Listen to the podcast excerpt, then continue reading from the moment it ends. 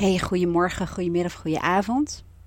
Voor mij is het heel lang een, ehm, ik noem het maar een thema. Het is een beetje een containerbegrip, maar goed. Ik weet even niet hoe ik het anders moet labelen. Dus ik hou het even bij thema. Maar een thema geweest dat ik ehm, een hele sterke uh, onbewuste overtuiging had, die ik ook wel uh, bewust heb gemaakt. Um, dat ik het moet verdienen.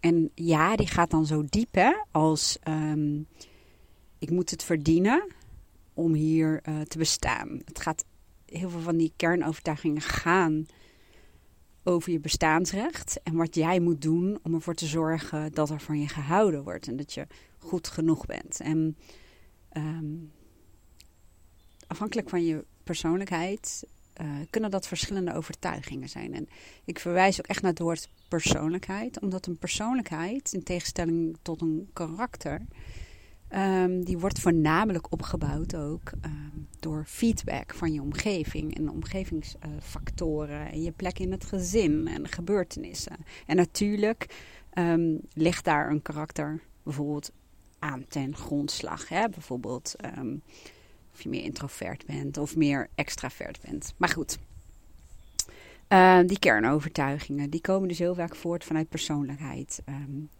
heel veel mensen duiden dat ook wel als ego. Maar goed, voordat we zometeen uh, een, een, een, diepe duik nemen in hoe het allemaal heet, wat totaal eigenlijk niet relevant is, vertel ik je dus over mijn thema. En het linkje met mijn nou, persoonlijkheidstype, zullen we maar zeggen. Die vertel ik er wel voorbij, want die is misschien best heel leuk. Mijn dochter Lisa, die um, heeft uh, net haar diploma voor een Enneagram-opleiding. En dat is een manier om een stukje zelfonderzoek te doen. Om met name ook te weten um, ja, wat je drijft, um, waar je bang voor bent, wat je probeert te voorkomen, hoe je ja, nu ga ik echt een hele, hele typerende zin zetten. In je kracht komt. Maar ik weet, ik heb even geen andere zin in de aanbieding. Maar dat is het wel een beetje. Je kunt zeg maar in het um, schaduw, zo noemen ze dat niet daar hoor. Want ik weet er dus niet zoveel van. Hè. Ik, weet, ik heb het ook wel geleerd, maar niet zoals zij. En zij is er echt heel erg goed in. En wat ik ook zo gaaf vind aan haar, dus voordat ze deze opleiding al deed, omdat ze toch een theoretische basis eronder wilde hebben, een beetje gevalideerde basis of zo. Um, dat, dat herken ik wel. Maar um, zij zegt ook: Ik ben niet zo fan dat je een testje doet op internet. Maar ik ben meer fan dat je echt zelfonderzoek doet. En, um, ja, en, en, dat doet zij dan ook met mensen. Dus door in gesprekken uh, samen te kijken. Nou, wat heb je nou aan die, in dit geval Enneagram uh, typeringen? Nou, mega veel heb ik ontdekt. Want uh, mijn Enneagram uh, type is een 1, de perfectionist of de reformer. Um, ja, en dat is eigenlijk een beetje ook de overtuiging dat je um, ja, alles heel goed en perfect moet doen om goed genoeg te zijn. En om ervoor te zorgen dat er van je gehouden wordt.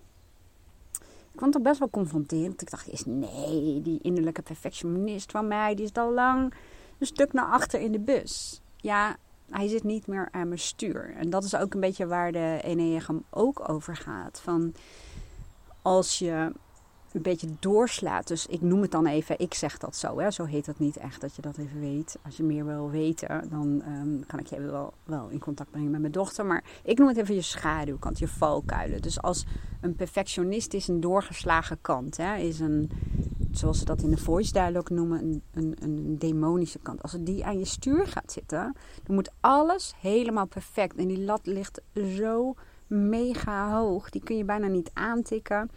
En um, het is heel rigide, de normen die je dan hanteert. Uh, uitputtend, weet ik ook. En um, ja, ook best wel geforceerd. Maar in essentie heeft een perfectionist, als hij dus niet doorlaat, natuurlijk enorm veel kwaliteiten. En dat is ook een beetje hoe ik um, mij door Lisa laat coachen als het gaat om Enneagram. En dan heb je een wing. En ik ga hier niet te veel op door, maar dat is dus dat je een beetje, um, nou niet een beetje, maar dat je ook wat hebt van de uh, dichtbij gelegen Enneagram uh, types. Zoals in mijn geval dan een 2 of een 9, want het gaat van 1 tot en met 9. Nou, um, Anyway, het past ook heel erg bij Enneagram type 1 om die overtuigingen te hebben. Dat ik het heel goed moet doen en dat ik het moet verdienen. Hard werken, discipline is bijvoorbeeld echt dan een kwaliteit. Um, integriteit, hè? echt ergens voor gaan staan. Heel um, idealistisch toch wel. En, trouw aan waarden. Nou, dat, ken ik allemaal wel. Um, en dan heb je ook nog MBTI, dat doet Lisa dus ook. Uh, Myers-Briggs, TI, uh, nou, zal typering Pub Indicator, zoiets. Maakt niet uit. In elk geval, MB staat dan voor de grondleggers hiervan. En dat is ook een hele gave. Die kun je trouwens gratis doen. Dat is wel een test. Zij zegt, die raad ik wel aan om te doen. Um, meerdere keren heeft ze zelfs zoals gezegd. Uh, misschien in de loop van de jaren nog eens een keer. Dat is op 16personalities.com. En dat gaat ook heel erg over, um, nou ja, bijvoorbeeld bij mij is het een INFJ het is ook anders geweest vroeger. Ik, zeg, ik heb vroeger ook heel vaak gezegd: ik ben eigenlijk een introvert die zich extravert heeft leren gedragen. Ik ga ook meer naar het ambivert, het zit er een beetje uh, tussenin. Maar dat geeft bijvoorbeeld heel erg aan waar jij energie van krijgt en waarvan niet. Um, maar hoe je naar jezelf kijkt, het leven, um, ja, ook drijfveren. Ik vond het enorm herkenbaar. En Lisa heeft me dus helemaal gecoacht en helemaal hierin uh, meegenomen. Met name omdat zij wat dat betreft hetzelfde heeft als ik. Van het is hartstikke leuk allemaal die theorie. Hè? Maar um, wat kun je er in het hier en nu, je dagelijks leven, praktisch mee? Hoe kun je het gebruiken in je voordeel? Nou goed, dus MBTI is van mij een INFJ. Um, ja, het is heel veel dingen dat ik dacht, wat, hoe kan dat zo typerend zijn? Want ik dacht, ja, toch niet mensen allemaal in hokjes zetten. Maar je ziet wel, ja, het gaat over drijfveren waar je um, je door oplaadt. Um, wat je vermijdt bijvoorbeeld.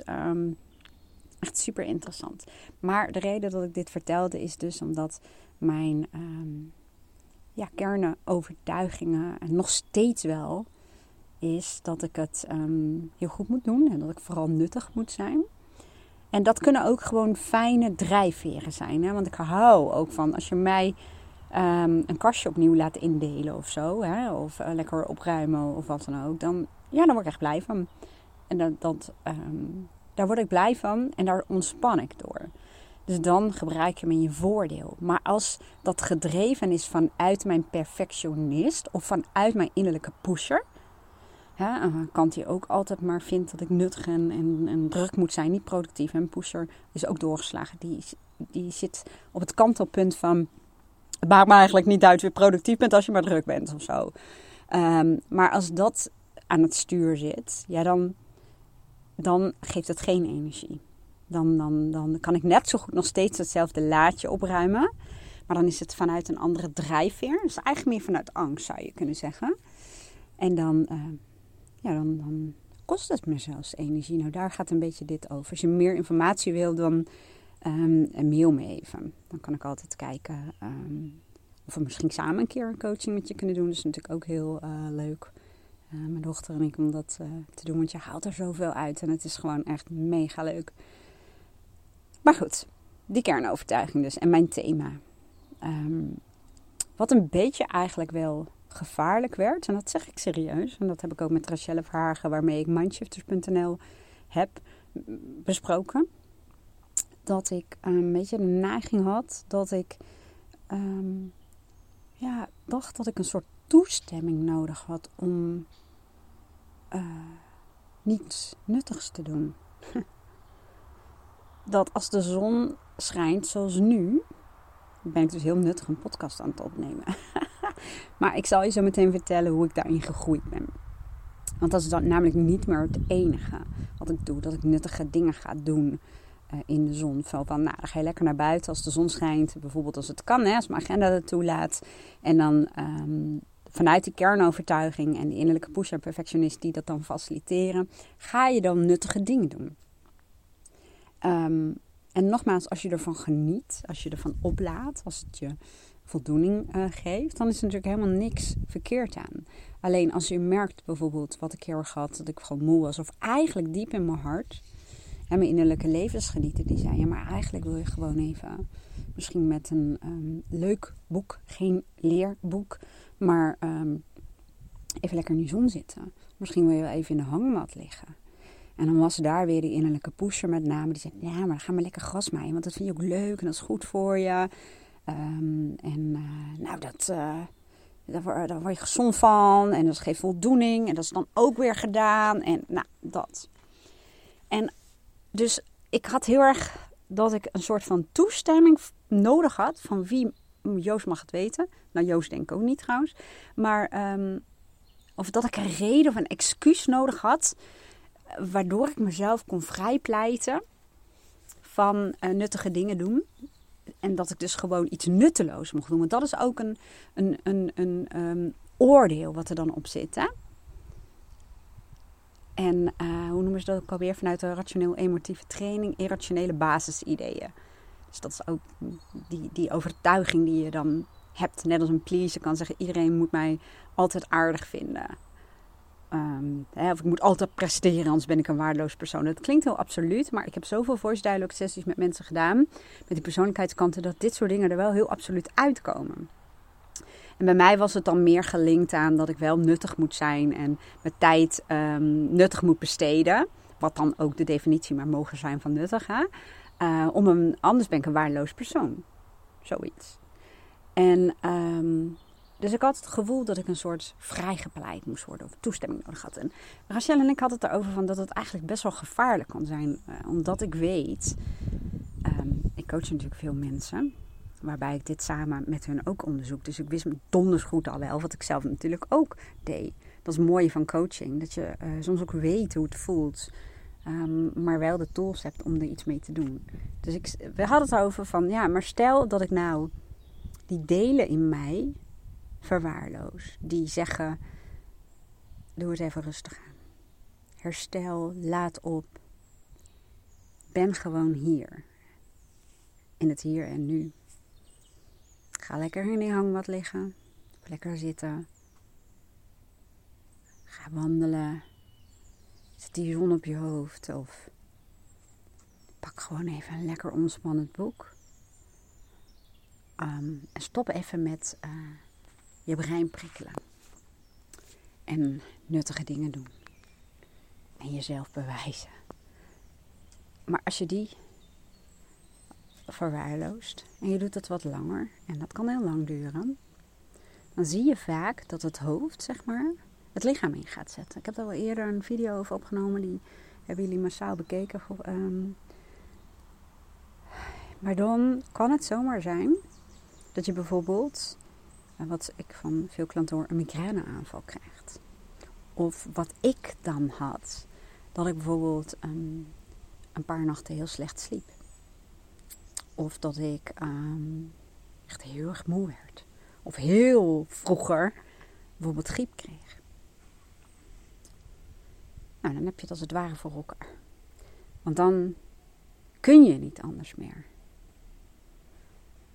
Dan moet je wel rusten en eraan toegeven. Ik heb het ook als gezegd hoor, dat ik er tegenaan zei: oh, Het lijkt me toch zo heerlijk om gewoon een hele dag op die bank te liggen met een boek. Gewoon in mijn joggingbroek. Niet te douchen, maar gewoon hop, dekentje erbij. Gewoon lezen. Heerlijk, gewoon. En uh, hij zei eens, maar waarom doe je dat dan niet? Ja, nou ja. En dan komen die pusher en die perfectionist en nou ja, dat uh, team naar voren.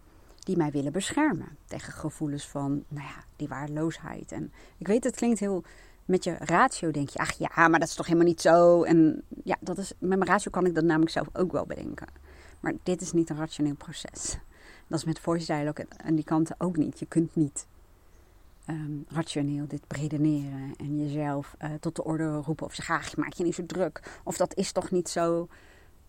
Dan weet jij ook wel, dat werkt niet zo. Want dan zou je waarschijnlijk ook niet luisteren en gefascineerd zijn door um, gedrag. Maar goed, ik had het dus al meerdere keren gezegd.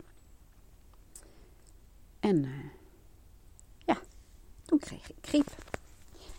Um, vermoedelijk was dat ook. Ik heel veel mijn trui uit doen hoor.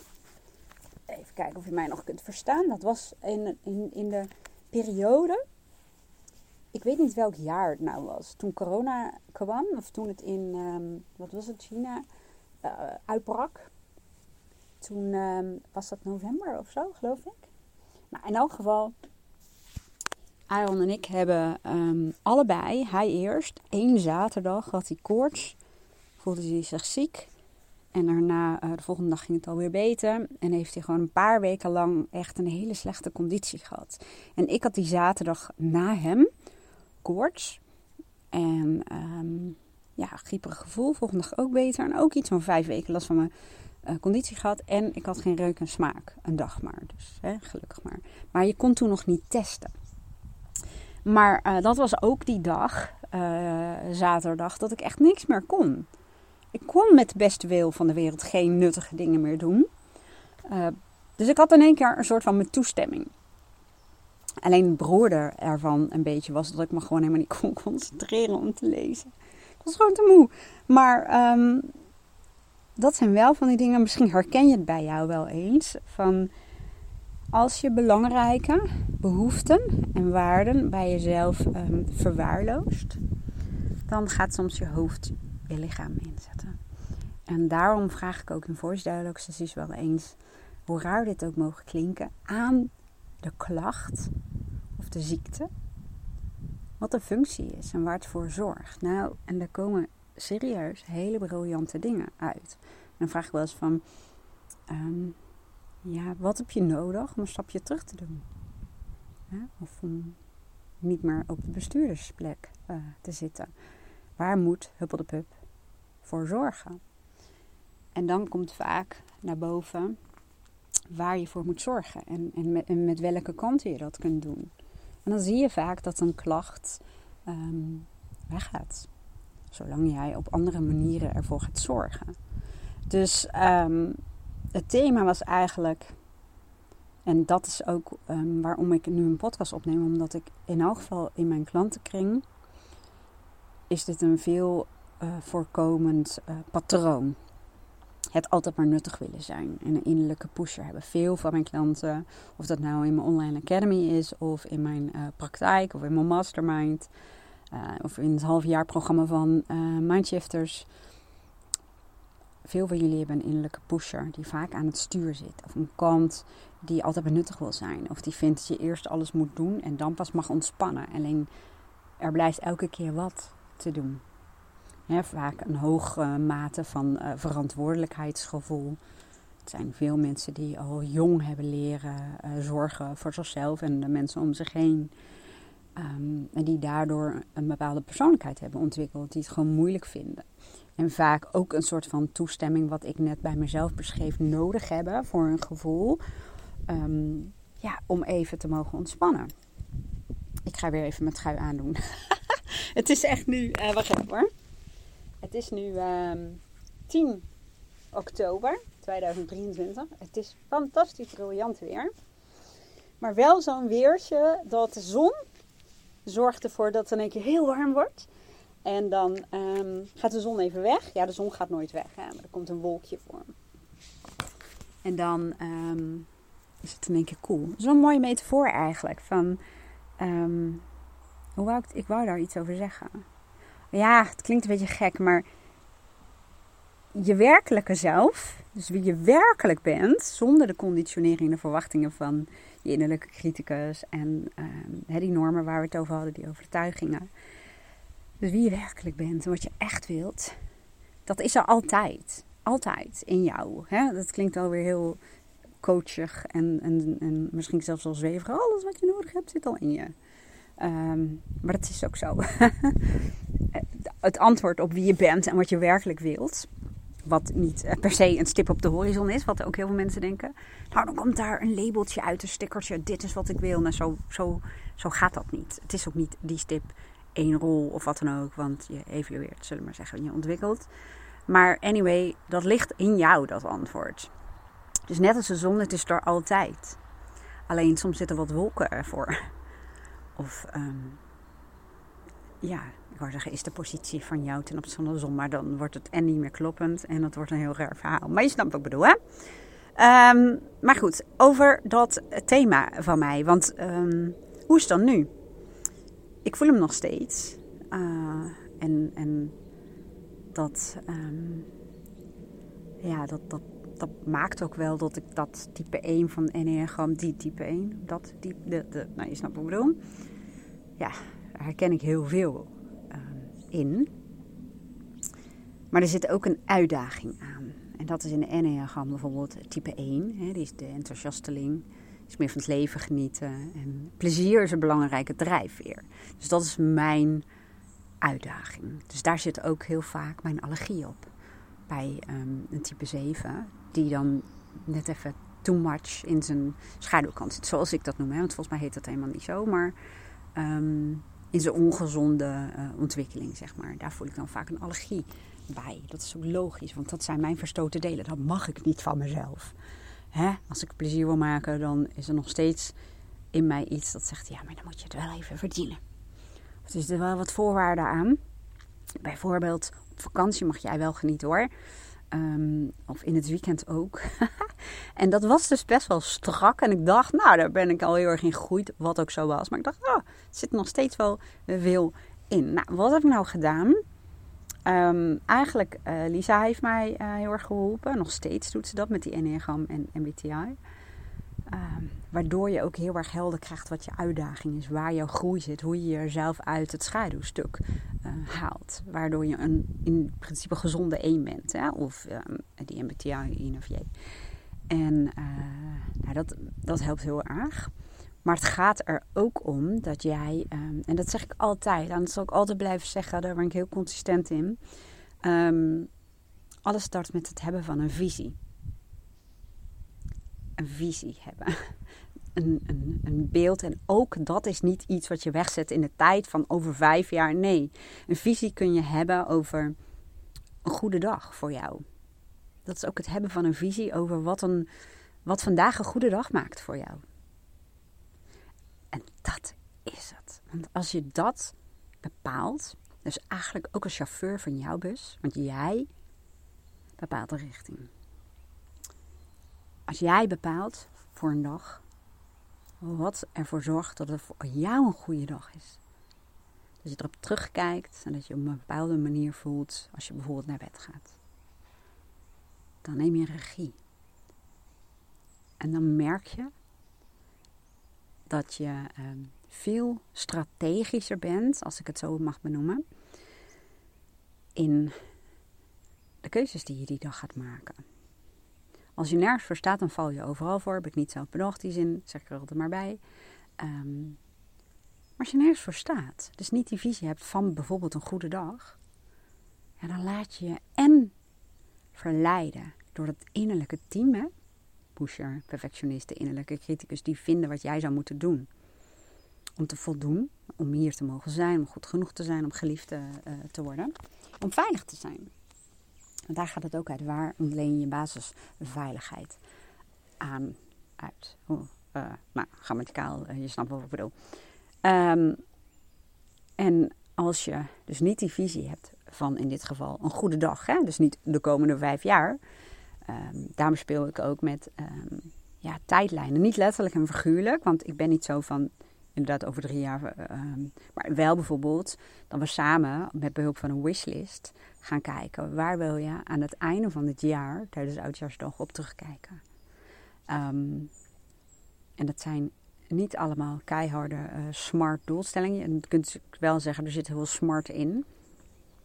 Maar het gaat ook over emoties en gevoelens en relaties. En het is niet allemaal keiharde targets, om het even zo te zeggen.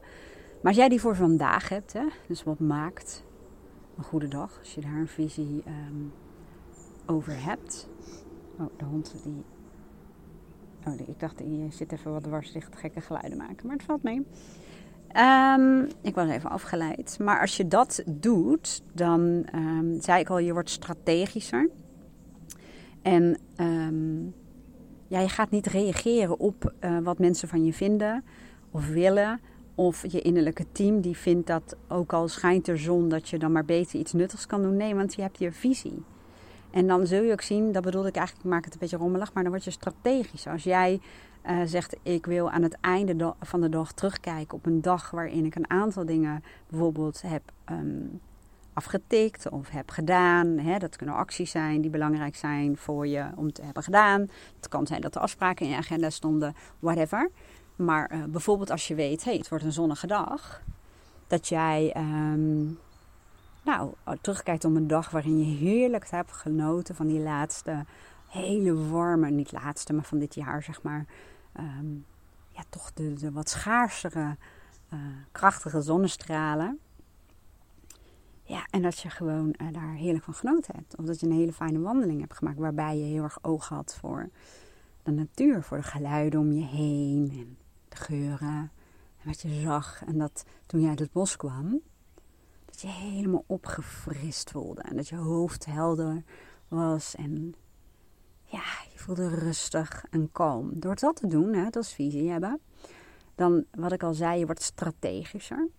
Dan weet je dat een pusher of een perfectionist, ja, die moet je niet meenemen in die hoedanigheid. Want dan kom jij niet op die manier uit het bos. En zo, um, ik noem het maar even, overroel je die overtuigingen, zeg maar, die heel erg dwingend kunnen zijn. En daarom is dit ook trainen. En daarom is het ook elke dag in mijn beleving. Hè? Opnieuw, bewust. Um, ik noem dat dan je dag afstemmen.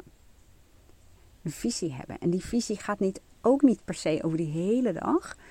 Een visie kan ook heel goed gaan over een volgende afspraak die je hebt. Of dat nou een privéafspraak is of een zakelijke afspraak. Um, ja, het hebben van een visie, je mag het ook een doel zeg, uh, noemen. Het zorgt ervoor dat jij leiding neemt.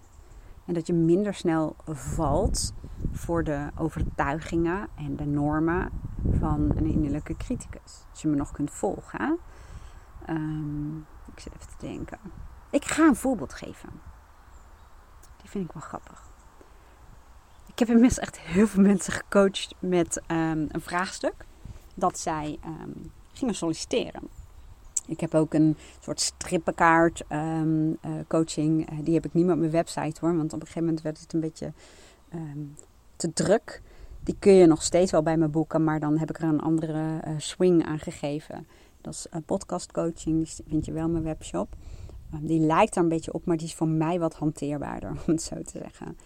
Uh, mensen die al klant bij me waren, voornamelijk hoor. En ook sommige mensen die ik nog nooit in het echt had gesproken of gezien. Die stuurden dan een vraagstuk naar me toe. En dan kregen ze van mij een, een tekstbericht in combinatie met een spraakbericht of alleen een spraakbericht om ze erop te coachen. Nou, wat grappig is dat uh, echt, echt heel apart. Ik, kan, ik vind het echt heel raar, maar um, bijna iedereen zei dat ik spijkers met koppen sloeg in die woorden. Ja, wel net grammaticaal andere volgorde, maar die spijkers met koppen. Ook mensen die ik dus nog nooit had gezien. Dus dat was super uh, leuk. Um, maar het ging ook vaak over solliciteren. En um, ik had het net over een, een, visie hebben en een doel hebben. Nou, wat ze dan zeiden, of dat nou bij mij um, in mijn praktijk was of, of via zo'n uh, strippenkaart. Ja, ik moet mezelf verkopen. Of ik moet ze overtuigen of laten zien dat. Um, dus het zit heel erg in het um, hard werken om ze te laten zien dat. En overtuigen verkopen. Nou, dat. En dan zei ik ook wel eens, maar wat is je doel eigenlijk van dit sollicitatiegesprek? Ja, aangenomen worden. Nou, gingen we wat verder en um, ik zeg maar, uh, ja, weet je of het bedrijf überhaupt bij jou past. En de cultuur en de mensen en de werkplek. Nee. En toen voelden ze me eigenlijk al wel aankomen. Ik zeg, nou, als jij naar het sollicitatiegesprek gaat met als doel intentie dat jij je moet verkopen, dat je ze moet overtuigen en laten zien en jezelf laten zien en nou, dat soort dingen. En jezelf onderscheiden. Eigenlijk uh, trek je de gelijkwaardigheid eruit. Je zet jezelf, ja, je maakt jezelf als het ware ondergeschikt. Je zet jezelf lager neer. Um, en uh, ik zeg, als je een ander doel en een andere intentie uh, voor dat gesprek uh, aanneemt, formuleert, hoe wil je het noemen, dan wordt het een compleet ander verhaal. Ik zeg, wat als je als doel, hè, en, en ik zeg het nu even globaal, hè, want we gingen dat wat specifieker maken. Maar voor jezelf stelt dat jij naar dat gesprek gaat om te onderzoeken of jij jezelf daar ziet werken, of het je aanspreekt, of de waarden en cultuur bij jou passen.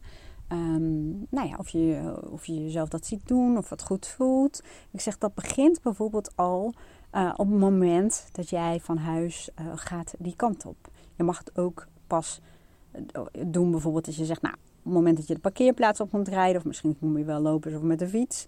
Ik zeg, en als je als doel hebt dat jij gaat onderzoeken of het bedrijf wel bij jou past.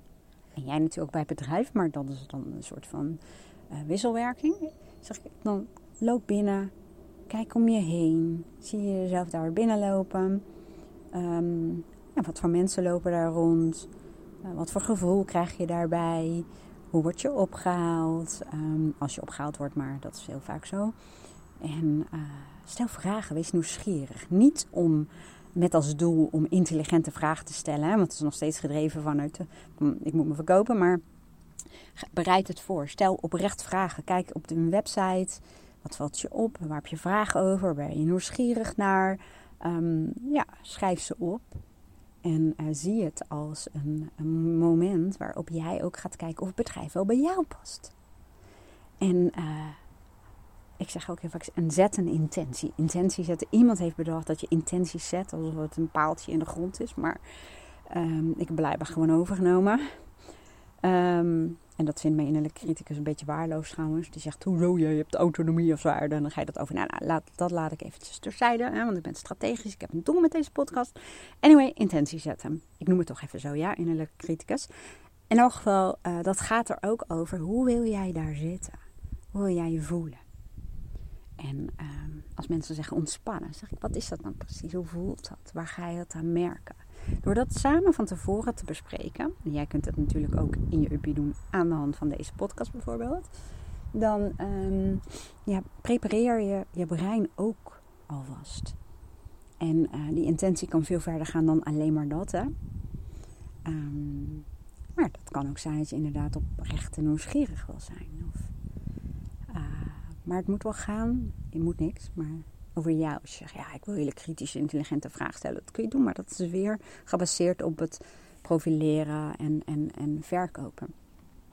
En je kunt waarschijnlijk wel het verschil voelen dat als je op deze manier een doel stelt en een intentie zet, zeg maar, en daarheen gaat, dat het gesprek gelijkwaardig is, maar het is ook veel echter. En je kunt ook echt voor jou bepalen en voelen: zijn wij een match? Ja, als het gaat om uh, waarde. Met een bedrijf en een cultuur uh, hebben ook waarde, om het zo te zeggen. Um, qua competenties. Hè. Um, maar ook qua misschien persoonlijkheid. Uh, misschien zit jou wel met iemand aan tafel of ontmoet je het team waar het om gaat. Ik noem maar even wat. Maar zelfs ook over de werkplek. Um, ik werd zelf niet mega gelukkig van um, in mijn ogen, dat is mijn label, hele saaie werkplekken. Die hele grote kantoortuinen waar je helemaal geen ruimte had om jezelf terug te trekken. En ik hou ja, wat speelser en wat eigenzinniger en ook buiten kunnen werken. Uh, nou ja, weet je, dat, dat, door dat zo um, aan te vliegen, is ook zo raar. Ik zie nu iemand met een cape rondvliegen rond een kantoorgebouw. Maar nou, je snapt wel wat ik bedoel, hè? Maar dan word je dus inderdaad veel strategischer. Want daar ging dit natuurlijk heel erg over. Je ziet, hè, we begonnen over mijn thema. En nu zitten we in een sollicitatiegesprek. Maar het gaat nog steeds om het hebben van een visie. En, en doelen en intenties, die, ja, die, die horen allemaal wel bij elkaar. Um, en daardoor word je dus uh, eigenlijk bewust strategisch. En dan zul je veel minder de verleiding voelen. Ik wil de drie woorden samenvoegen Um, wat ik bij mijn dochter, mijn zusje en vriendinnen kan doen. Maar ik zal dat in de podcast maar niet doen. Um, maar je laat je veel minder verleiden door een innerlijke criticus of een perfectionist of een pusher of wat voor deel dan ook aan je stuur te laten zitten. Want dan ben je reactief en dan laat je je innerlijke team namens jou handelen. En daarnaast laat je ook minder verleiden um, om in te gaan op wat anderen van je willen. Terwijl je diep van binnen voelt dat je het eigenlijk niet wil. En dat heeft vaak ook met toestemming te maken. En dan sluit ik af, want ehm, ik heb ook een uh, cursus, een hele korte plugin guide noemen wij dat. Rachelle en ik op mindshift.nl heb ik ontwikkeld van drie praktische, ehm, ja, bijna e-learning podcasts. Waarin je leert om vanuit autonomie, dus vanuit jezelf, terwijl je verbonden blijft met de ander, voor jezelf op te kunnen komen. Trouw te kunnen zijn in jouw waarden en behoeften. Want het gaat over nee zeggen. En het gaat over de innerlijke pleaser. Maar in essentie gaat het natuurlijk over hoe kun je trouw zijn aan jouw waarden, jouw behoeften. Terwijl je ook respect voor de ander hebt. En in verbinding blijft met de mensen waarmee je in verbinding wil blijven. Of betrokken blijft, zullen we maar zeggen. Dus die plugin guide heb ik voor je gemaakt. Voor een hele lage prijs. We hebben heel veel plugin guides. Uh, daar zijn we ook mee bezig. Nog niet alles staat live, zeg maar. Die echt voor een nou ja, symbolisch bedrag eigenlijk um, te koop staan. Zijn. Staan. Zijn. Ze staan niet. Ze liggen ook niet. Maar ze zijn er voor jou. Um, maar ja, waarin je ook leert om um, ten eerste te weten wat die waarden en behoeften zijn. Want anders wordt het moeilijk. Want dat bedoel ik ook met toestemming hebben. Als jij bedacht dat je een weekendje gewoon even helemaal niks wil. Je ziet wel wat je gaat doen. Misschien ga je wel een heel weekend Netflixen. Misschien ga je wel op pad. Of spontaan dingen doen. Maar je hebt nou van niks gepland. En iemand, een vriend, vriendin, familielid, die zegt bijvoorbeeld: Heb jij zaterdag al wat te doen? Of kun jij zaterdag? Of heb jij tijd en zin? Of heb je zaterdag tijd? En dan voel je al, kut, uh, er gaat een verzoek komen. En ja, ik heb tijd. Um, en dan komt het verzoek. Heel veel mensen die hebben het gevoel dan van, ja, maar ik moet een reden hebben, een excuus. Een, een, geldig excuus. Waardoor ik niet kan. Nee, sorry, ik moet overwerken. Nee, helaas. Nee, ik, uh, ik heb een verjaardag van mijn nichtje. Ik kan echt niet. Ik had anders wel gewild hoor. Maar, nee. maar als je dat niet hebt en je hebt dat weekend bedacht om um, misschien wel te Netflixen of whatever. Ja, dan kan een innerlijke pleaser denken: ja, ja, maar jij kan wel. Je hoort het te doen. Nou, zo, zo zou dat niet helemaal als innerlijke dialoog gaan. Maar ik vind het moeilijk om nee te zeggen. Dat bedoelde ik eigenlijk waarmee ik de podcast begon. En dan maak ik hem weer een beetje rond, zullen we maar zeggen. Nou, een kop en een staart. Um, dat in heel veel gevallen, in mijn geval ging het dan over het kunnen ontspannen. En in de ogen van mijn innerlijke criticus even niks nuttigs doen. Terwijl andere kant van mij zeggen, nou, uh, gewoon even lekker in de zon zitten en uitrusten is super nuttig. Want dat brein, nou, ik zou je eens eventjes wat onderzoeken moeten laten lezen. Maar dat is echt heel goed voor het brein. Nou, noem maar wat, hè. Dus wat is de definitie van nuttig en niet nuttig? Um, maar het gaat maar net aan welke kant is dwingender. En wint dus uh, de show, zullen we maar zeggen. Maar dat kan ook gaan over die pleaser. Dat die toestemming wil hebben. Oké, ze gaat dan naar een verjaardag. Ze kan echt niet. Dat. Uh, ja, daar wil ik mee afsluiten. Van herken jij dat jij in bepaalde situaties een geldige reden moet hebben? Of een excuus? Um, of um, dat je het verdiend hebt? Net als ik, hè? dat je kan ontspannen. Je dan niet een waardeloos, nutteloos mens bent. Om het even zo een beetje absoluut uh, neer te zetten. Of dat je uh, om voor jezelf te kiezen wel een heel geldig excuus moet hebben. Um, en dat je dus niet de smoesje hoeft te bedenken. Of bang bent dat als je um, ergens heen gaat of zo. Of, of wat een ander komt erachter dat je helemaal niks hebt gedaan. En dat je niet de hele dag met de gordijnen dicht moet zitten. Te net, Netflix, de Netflixen. Netflixen. Sorry Netflix. Dus ik ben benieuwd of je dat herkent. En er zullen natuurlijk veel meer situaties zijn hoor. Waarin je het gevoel hebt dat je toestemming um, moet hebben. Maar laat even weten of je dit herkent.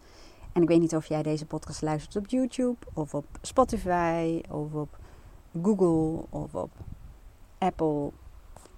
Let me know. En um, mij kun je ook heel erg helpen trouwens om een um, review mee te geven aan mijn podcast. En dat kan echt in een paar seconden door um, op podcastkanaal. YouTube kan dat natuurlijk niet. Dan kun je wel abonneren of even liken. Maar op Spotify en op ehm, Apple Google misschien ook wel, dat weet ik eigenlijk niet. Kun je een aantal sterren aangeven. Volgens mij vijf sterren. Of wat jij dan mijn podcast ook waard vindt. Ehm, ja, en dat is ook de menselijke factor. Hè? Los van hoe lang je luistert en hoe vaak en dat soort dingen. Dus als je me daar een plezier mee zou willen doen, dan uh, ben ik je heel erg uh, dankbaar. En als jij mij daar een printscreen van mailt, je vindt mijn contactgegevens op wendyborst.nl slash contact, dan krijg je een uh, cadeautje van me. Dus dat. Ik hoorde dat in een andere podcast vandaag. Ik denk, die is wel leuk. Want het kost je natuurlijk wel wat moeite. En um, ik vind het dan ook weer leuk om weer wat uh, terug te doen.